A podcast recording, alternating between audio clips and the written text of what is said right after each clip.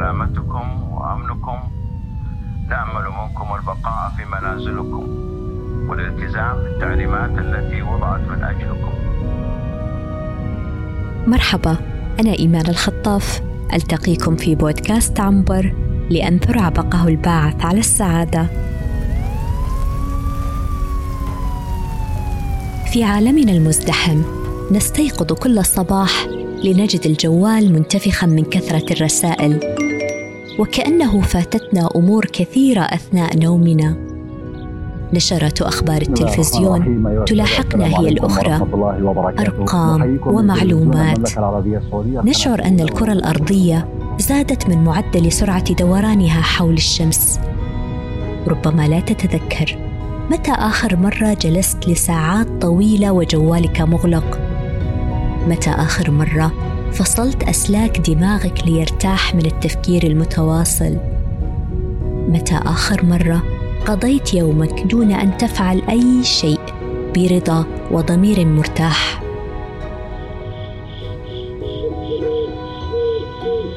الحياة صارت خليط من الأشغال اللامنتهية والثقافة السائدة اليوم تذم الخمول وترتاب من وقت الفراغ. رغم أن الأنبياء والعباقرة كان زادهم الفراغ والخلوة وأوقات التأمل. أحدثك هنا عن فضيلة أن لا تفعل شيء. في عصر صار فيه مكوثك بالبيت خدمة كبيرة للبشرية. تدرك هنا أن عليك نزع رداء الجدية الدائمة وأن لا تنساق خلف المثالية الزائفة. تلتقط أنفاسك لوهلة. لتمضي يومك بلا شيء. دون أن يراودك الشعور بالذنب أو أن تعتقد أنك لست جيدا كفاية.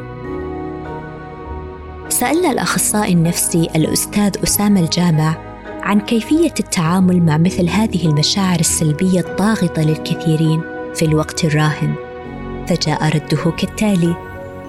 فيما يخص ما نعيشه من أزمة وكيف نتعامل معها من ناحية من زاوية نفسية. مشكلة الكثير من الناس أنهم لا يعرفون كيف يتعاملون مع مشاعرهم السلبية.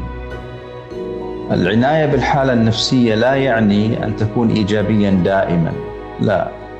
العناية بالحالة النفسية هو أنك أنت تعطي الفرصة لكي تشعر بالمشاعر الإيجابية وكذلك أن أن تسمح للمشاعر السلبية أن تأخذ مجراها، بعض الناس يعتقد أنه إذا جلس مسترخيا فهذا تضييع للوقت.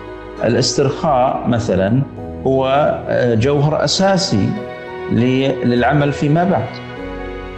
فبعض الناس يعتقد أن آه، لازم وبشكل مستمر وأنه هو يكون على الدوام يعمل وينجز وينبغي ألا يجلس ساكنا. أحيانا أفضل شيء تفعله أن تسترخي خاصة في الأوقات اللي تشعر فيها أنك في حالة ضغط شديد أو في الأوقات التي أنت تشعر فيها أن الأمور خرجت عن السيطرة. ليه؟ لأنه لا بأس أن بعض الأمور ليست تحت سيطرتك. كما تعلمون حولنا الآن في أشياء هي خارج سيطرتنا.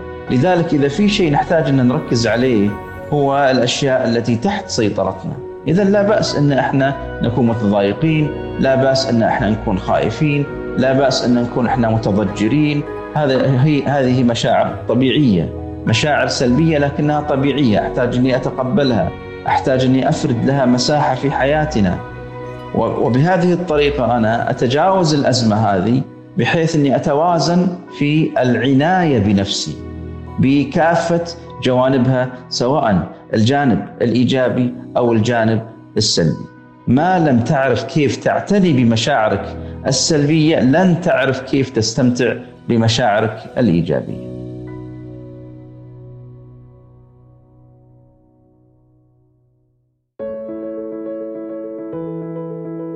I feel so guilty. I've been in Rome for three weeks and all I've done is learn a few Italian words and eat. You don't know how to enjoy yourself. I beg your pardon? It's true. But an Italian doesn't need to be told. He walks by a sign that says, uh, You deserve a break today. And he says, Yeah, I know. We call it uh, dolce far niente. It means uh, the sweetness of doing nothing.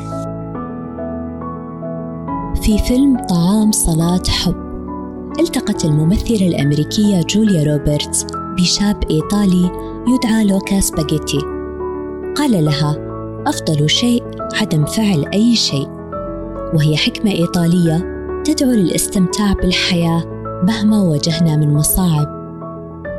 أحيانا أفضل ما تفعله هو أن تتوقف عن الحركة أن تعيش حالة سكون ألا تفعل شيء أو تكتفي بفعل ما تحب. وربما تسخر من الأوقات التي أحرقت فيها نفسك بالإجهاد المتواصل. تعرف اللي يقول دافن راسه في الشغل من الصبح لين آخر ليل شغل كل شايل الشركة كلها على راسي.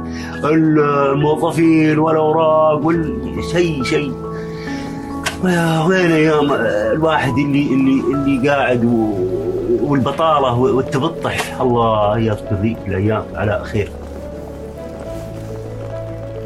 رغبتك بالراحة والاسترخاء لا ينبغي أن يفسدها الشعور بالذنب فالوقت الذي تظنه ضائعا هو تنفيس عن مشاعرك المكبوتة والحياة كما هي عميقة وجادة قد تبدو أحيانا بلا معنى. يقول ميلان كونديرا في روايته حفلة التفاهة التفاهة يا صديقي هي جوهر الوجود إنها معنى على الدوام وفي كل مكان إنها حاضرة حتى في المكان الذي لا يرغب أحد برؤيتها فيه في الفضاء في المعارك الدامية في أسوأ المصائب. كلما تقدمت بالعمر ستدرك ضرورة ألا تأخذ الحياة على محمل الجد دائما وستشعر برغبة التخفف من كل شيء وأن من حقك أن تشعر بالضجر دون أن تقسو على نفسك. أنت بشر كما تفرح وتسعد قد تحبط وتنغلق. لكن مهما واجهت من أوقات صعبة فلا تسمح لها أن تنتزع منك ضحكتك.